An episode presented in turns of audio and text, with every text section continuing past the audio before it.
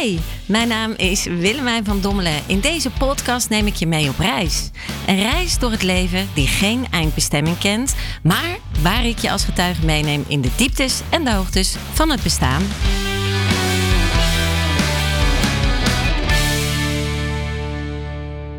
Hey, leuk dat je er alweer bent. Ehm, zoals je weet en van mij gewend bent, hart vanuit het hart.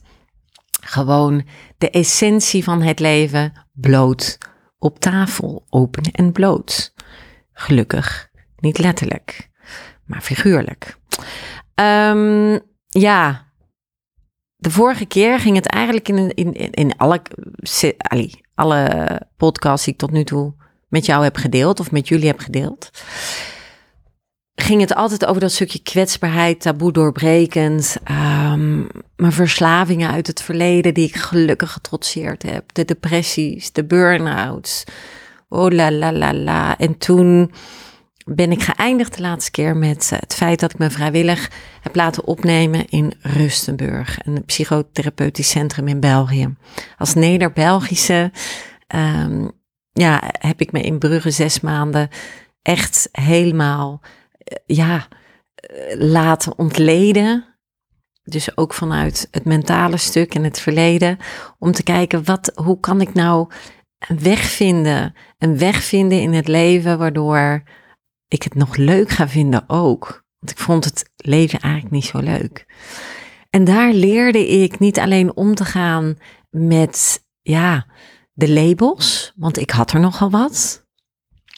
Heel veel labels. Vind ik ook zo jammer, hè? Dat we elkaar allemaal labelen. Maar eh, de labels die door de hoofd van de psychiatrie destijds zijn gegeven, echt geen sinecure. Dan denk je eigenlijk dat je nu aan het luisteren bent naar één grote pannenkoek en één grote koekoek, koekoek, koekoek. Nu ben ik wel bijzonder en ben ik perfect in mijn imperfectie, net als iedereen.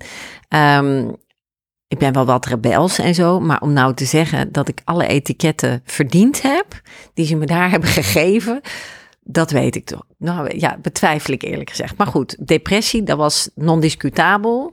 Dat er hier en daar ook nog op latere leeftijd wat burn-outs doorheen gevlogen zijn en gevlochten zijn. Is ook wel uh, redelijk solid as a rock.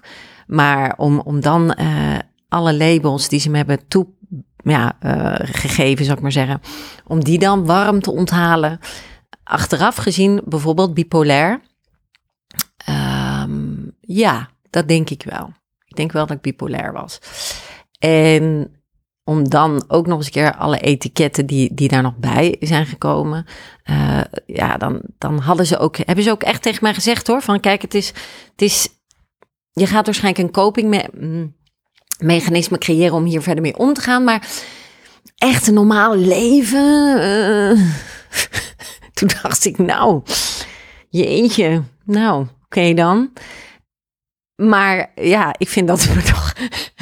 ja, ik wil nou niet heel dikke nek overkomen of zo. Maar ik vind toch wel dat het me aardig goed gelukt is. En pas op, daar heb ik best wel wat, wat voor moeten mogen investeren. Hè. Qua tijd en energie heb ik het dan over. Heel veel ja, moeten leren en mogen leren dankzij al die leermeesters die, die op mijn pad zijn gekomen. Ik werd keer op keer uitgenodigd door het leven. Oh, nee, niet zo Willemijn. Ah, ah, hup, dan kreeg ik nog een leermeester. Dus je krijgt ook maar die lessen, die levenslessen, anders heet het ook niet een levensles, doordat je door hebt, hey, dit is een les. De volgende keer ga ik het even anders doen. En uh, dat maakte dus ook dat toen ik uit Rustenburg kwam, had ik meteen uh, een job te pakken. Maar dat werd wel helemaal mooi vanuit Rusten, uh, Rustenburg mee begeleid. Dus ik kreeg ook loopbaanbegeleiding en zo. Dat hadden ze heel goed gedaan. Het enige jammer is, du moment dat je daar weg was, was het ook van, nou, toi toi hè, bye. En voor de rest, ons niet meer bellen. Dus dan val je ineens in een gat van zes maanden in een commune ongeveer, naar ineens het grote mensenleven, de grote boze uh, mensenwereld. En dat was best wel even pittig. En dan meteen een mega job. Ik had ook niet meteen, zeg maar, een klein baantje. Het was meteen echt een mega job bij de televisie, bij SBS in België. Ik was woordvoerder, allemaal spannende titels. En weet je, ook niet heel lekker hoor als je net aan het leren hebt, uh, of als je net aan het leren bent, zeg maar, om je ego deels wat te kaderen, wat te framen. eh, en meer naar je intuïtie en je innerlijk kompas te gaan leven. En dan krijg je meteen zo'n job waar je alleen maar in status en weet je. Dus dat was best wel een dingetje. En dat heb ik gewoon ook op dat moment ehm, niet, denk ik, gedaan zoals het hoort. In de zin van, het leven zei, we geven je nog wat lesjes. Hier komen weer wat levenslesjes. Dat zorgde er dus ook voor dat ik ehm, nog herstellende was. Zoals je weet van de vorige podcast van mijn verslavingen. En een eh, van de verslavingen was mijn liefdesjunk eh. En ik kreeg een prachtige leermeester op mijn pad. Een, een bekend persoon, in België dan toch. En eh tikkeltje ouder qua leeftijd dan ik. En dat, dat was enorm zwaar. Dat was niet alleen zwaar, omdat het ook een beetje conflicterend werkte op de werkvloer. Want hij was een gezicht van de zender en ik was woordvoerder van de zender. Dus voel je hem al komen. Veroordelingen à volonté natuurlijk. Eh, de pers sprong er ook een stukje op. Dus ik werd zonder dat ik het eh, wist, eh, eigenlijk een beetje meegetrokken naar een, een BV'er, bekende Vlaming. Alhoewel ik moet zeggen T-BV'er, tijdelijk bekende Vlaming. Want ja, die titel heb je ook maar zo lang als je bij die persoon bent die bekend is. Want voor de rest, ja, wat, wat, wat breng ik nou naar, naar de maatschappij? Hè? Als TBV'er zal ik het dan maar even noemen. En uh, ja, op dat moment bracht dat heel veel extra levenslessen met zich mee. En, en daar kwam heel veel ruring op. Um, vervolgens, je gelooft het niet, maar het is echt gebeurd. Vervolgens zorgde het leven voor nog een paar mooie lessen erbij. En uh, die levensles was onder andere dat de partner waar ik op dat moment echt heel erg dol op was en waar ik echt van gehouden heb en nog steeds hou op mijn manier. Niet meer natuurlijk op, op die manier van intimiteit meer, maar wel als leermeester kan ik hem koesteren en dankbaar zijn voor de levenslessen die hij mij heeft gebracht. Werd hij verliefd op iemand anders. En ja, misschien heb jij dat ook wel eens meegemaakt, maar dat voelt natuurlijk alsof de grond onder je voeten vandaan zakt. Alsof je, alsof je hart in duizenden scherven breekt. En, uh, en dan zeker voor iemand die in het psychosociaal welzijn best niet zo verkrachtig was nog op dat moment. Tikke, tikke, tik in je gezicht en in, in je ziel. Was dat heel, heel zwaar. Ongelooflijk zwaar. Maar oké, aan de andere kant toch ook wel weer uh, iets wat je groei geeft. Wat, wat, je, wat je uitnodigt om te zeggen: Oké, kom aan, ben ik een Calimero of ben ik een Caligero? Vind ik een hele leuke. Dat is uh, dokter Anders in de neuropsychologie, Elke Gerards. Iemand die ik enorm bewonder, die dat altijd gebruikt. Ben een Calimero of ben je een Caligero? En ik dacht, kom aan mijn, pak je cape en ben Caligero. Zoek je weg hier doorheen. En dat heb ik natuurlijk eigenlijk altijd wel een beetje gedaan. Dat is gelukkig gelukt. Uh, grappige wilde wel dat het leven zei: Ja, maar wacht even, nou heb je wel weer een lesje te pakken gehad, Willemijn. Maar we gaan je even testen. Dus vervolgens was ik door die storm heen, die shitshow, epic shitshow. En vervolgens komt daar een viking op mijn pad.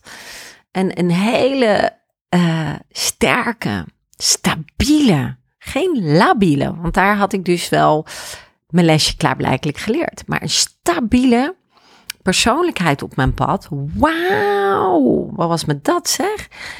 En uh, die man, die ging er gewoon voor. En die zei ook tegen mij, zonder dat we nog maar gekust hadden of uh, iets hadden gedaan, schreef hij naar mij via de WhatsApp of sms. Ik weet niet of er toen al WhatsApp was. Ik had geschreven, ik vind je leuk. En hij schreef terug, ik weet het zeker. Ik weet het. Hoe kan hij het nou zeker weten? Nou, heel boeiend persoon, dacht ik. Nou, dus ik was natuurlijk ook wel uh, echt begeisterd. En ja, dat was hem. Dit is de man die, hou je vast, met een helikopter in de tuin geland is, in een wit pak, en op zijn knie ging in de tuin om mij ten huwelijk te vragen. Als een James Bond prinsessenverhaal. Dus wat denk je? Ze leefde nog lang en gelukkig, toch? Of zou het toch kunnen dat ik inderdaad in de voorgaande podcast je al heb gezegd dat ogenschijnlijk mijn leven een groot sprookje leek voor de buitenwereld, maar dat het in de realiteitszin helemaal wat anders was. We hadden geen klein huisje. Wij, mijn man en ik, we hadden een groot mensenhuis, maar echt een heel groot mensenhuis. Met een hele grote tuin, groot, zeer groot. Alles was groot.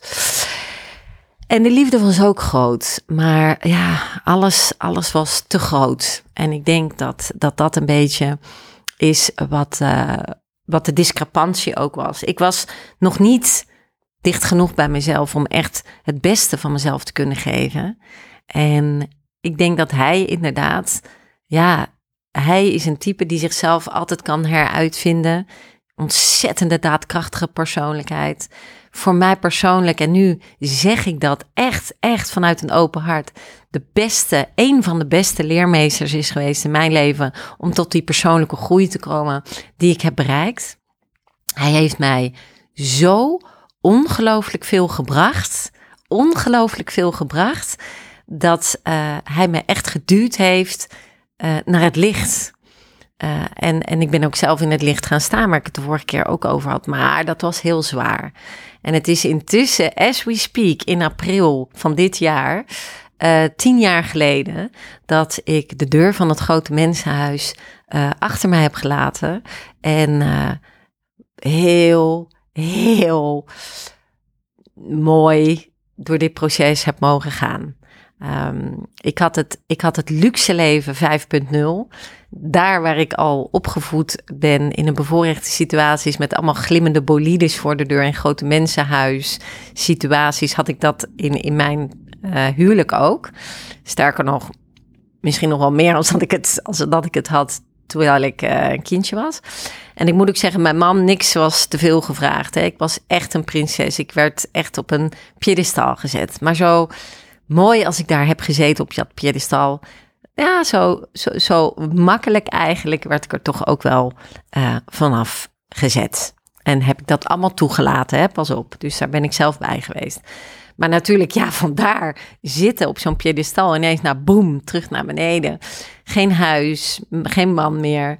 Uh, mijn man was ook degene die uh, de kostwinner was. Dus ik had ook geen centjes meer, want ik had een van de bedrijven die we samen hadden opgericht, had ik allemaal ook verkocht. Want intussen, mind you, zat ik ook met een burn-out te struggelen. Omdat ik weer grenzeloos uh, mezelf voorbij was gerend. En vervolgens was alles weg. en weer was ik de weg kwijt. Uh, en dus zei het leven tegen mij: We gaan eens kijken of we je nog wat levenslessen kunnen geven. En nou ja, dat is dus wel gelukt ik begon een beetje te. Ik geloof dat ze dat noemen, dat je zo surft van, van bank naar bank. Banksurfen in plaats van bankzaken doen. Bankzaken doen is altijd heel lekker. Dan kan je Netflixen en een beetje relaxen. Dat noemen wij bankzaken. Maar uh, je kunt ook surfen, banksurfen en slapen bij uh, iedereen en alles, maar geen woonst hebben. Nou, dat heb ik een tijdje gedaan. En dan snel viel ik trouwens ook in mijn eigen oude patroon van de levenslessen. En dat is dat ik eh, vrij snel in de armen uh, belandde van iemand anders uh, om mijn soelaas weer te vinden. Ik, ik voelde zoveel pijn dat ik natuurlijk heel snel ook heel graag weer liefde wilde vinden ergens. Nou, en die leermeester, dames en heren, oh, dat is toch naast de man met wie ik getrouwd ben geweest, is de leermeester. En we zullen hem voor de grap, hoe zullen we hem noemen? Um, want dit, dit heet zoiets van To Protect the Innocent. Want ik heb begrepen dat ik mijn boekje wat buiten ben gegaan de laatste paar keer. Dus ik zal het nu even doen zoals het hoort. Uh, maar mijn favoriete klootzak zullen we noemen. Um, ja, want ja, anders dan gaat iemand denken van uh, Davy. We gaan hem Davy noemen. Ik weet één iemand die dit nu heel grappig vindt. En dus die favoriete klootzak, Davy, die, uh, die kwam vrij snel tijdens of na mijn echtscheiding, zeg maar. Hè? En daar heb ik toch zeven jaar, ben ik daar in ups en downs mee samen geweest. En ik moet zeggen, als je dus uh, liefdesrelaties hebt met, met jouw mensen die op jouw pad komen in jouw leven. Dan ben ik eens benieuwd, als jij nu denkt aan jouw favoriete klootzak, of voor de heren aan jouw favoriete, oei, hoe moet ik dat dan noemen? Jouw favoriete onheus, uh, onheuse dame die jou, die jou heeft doen groeien, jouw leermeesteres dan misschien. Aan wie denk jij dan? Wie komt er dan het eerste bij jou op? Wie was jouw favoriete leermeesteres of, of quote-non-quote favoriete klootzak? Jouw favoriete pannenkoek misschien? Wie was dat?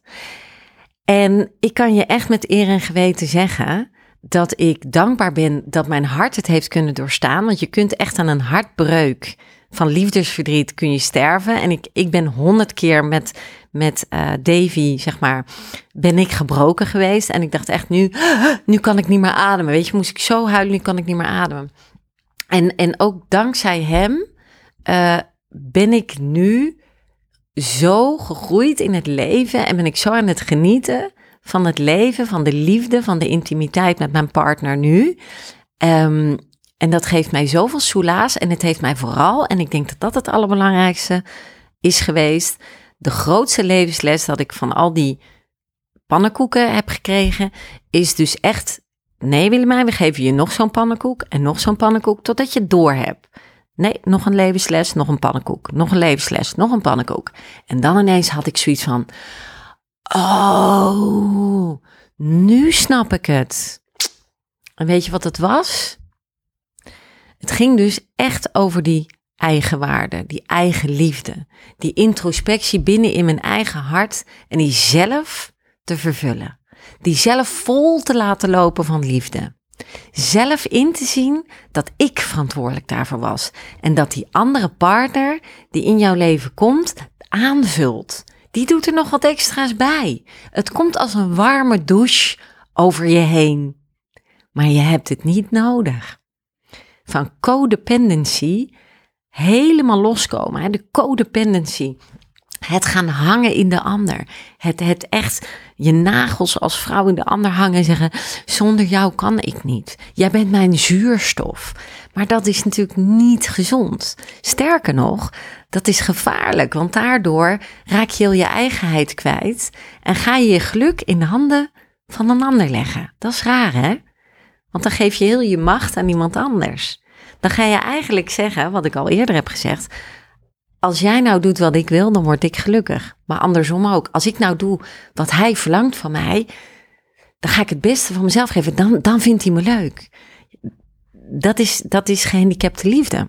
Dus ik heb heel lang mogen vibreren in die gehandicapte liefde om tot, tot het hoogste goed te komen. En dat is de liefde ervaren vanuit jezelf. En dan te gaan oefenen in je omgeving met te kijken: hey, liefde in mezelf is liefde, maar liefde voelen voor lieve vrienden, voor sommige familieleden, voor mensen op straat, zelfs voor zakenrelaties. Je kunt liefde in zoveel thematieken ervaren. En dat was de eerste keer. En toen had ik dus door van, oh my god, er is dus zoveel in het, in het leven om liefde voor te voelen. Hashtag spread the love juice, zeg ik dan altijd. Dus het, het is iets heel moois. En ik wil je dan ook heel graag uitnodigen om een leuke oefening te doen. Wij noemen hem ook de love juice. Een nieuwe gewoonte leren kost ons brein gemiddeld ongeveer, reken me er niet op af, maar toch een nieuwe gewoonte leren 21 dagen. Denk een nieuwe taal, fietsen, whatever, leren autorijden. Ons brein heeft daar ongeveer 21 dagen voor nodig. Luister, ik ben geen expert, maar dit is wat de boeken mij verteld hebben. Maar als je nou echt wil dat het in je onderbewustzijn, naar je bewustzijn, zich soort van embryonaal gaat, ja, gaat, uh, hoe moet ik het zeggen, gaat planten als het ware, voortplanten, dat is nog beter gezegd. Dat het echt een gewoonte wordt en echt zonder dat je erbij nadenkt, zoals tandenpoetsen, dan daag ik je uit om 110 dagen vanaf vandaag 110 dagen. Morgen 109, overmorgen 108. 110 dagen. Lieve mensen. Vijf punten te notuleren aan het einde van de dag. Die je lekker vond, leuk vond, mooi vond, fijn vond. Waar je dus een beetje liefde voor voelde. Pers de hele dag uit in een soort juice. Je eigen love juice sapje. Van wat, wat pers ik nou uit die dag waar ik echt liefde voor voelde? Vijf punten. Niet twee, niet drie, vijf. ik verzeker jullie, als je dat 110 dagen volhoudt, en zelfs al 21 dagen, dan ben ik eens benieuwd wat er bij jou gebeurt. En het gaat over discipline. Hou jij dat vol? Weet je hoeveel mensen dan toch van een zogezegde Calimero, uh, die Calimero willen zijn, terugvallen naar Calimero, omdat ze te weinig discipline hebben om dit door te zetten? Nou, het zou je verbazen hoeveel mensen toch afhaken. Het is een beetje het idee als sporten. Je zegt naar oud en nieuw, mijn eerste voornemen is dat ik naar de sportschool ga. En dan abonnementen worden aan volonté verkocht. En dan vanaf april, mei zwakt het allemaal weer af. Dan is er geen tijd meer, dan is er geen ruimte meer om te gaan sporten. Dus die spiermassa die wij willen trainen, uh, om ons lichaam er mooi uit te laten zien, die kan je ook trainen in je hoofd. Want ja, je hersenen hebben vergelijkbare spiermassa, zeg maar. Ons, ons lijf, ons hele zenuwstelsel gaat daar lekker op. Dus bij deze, in deze levensles, van alle levenslessen die ik heb geleerd, geef ik deze graag aan je mee.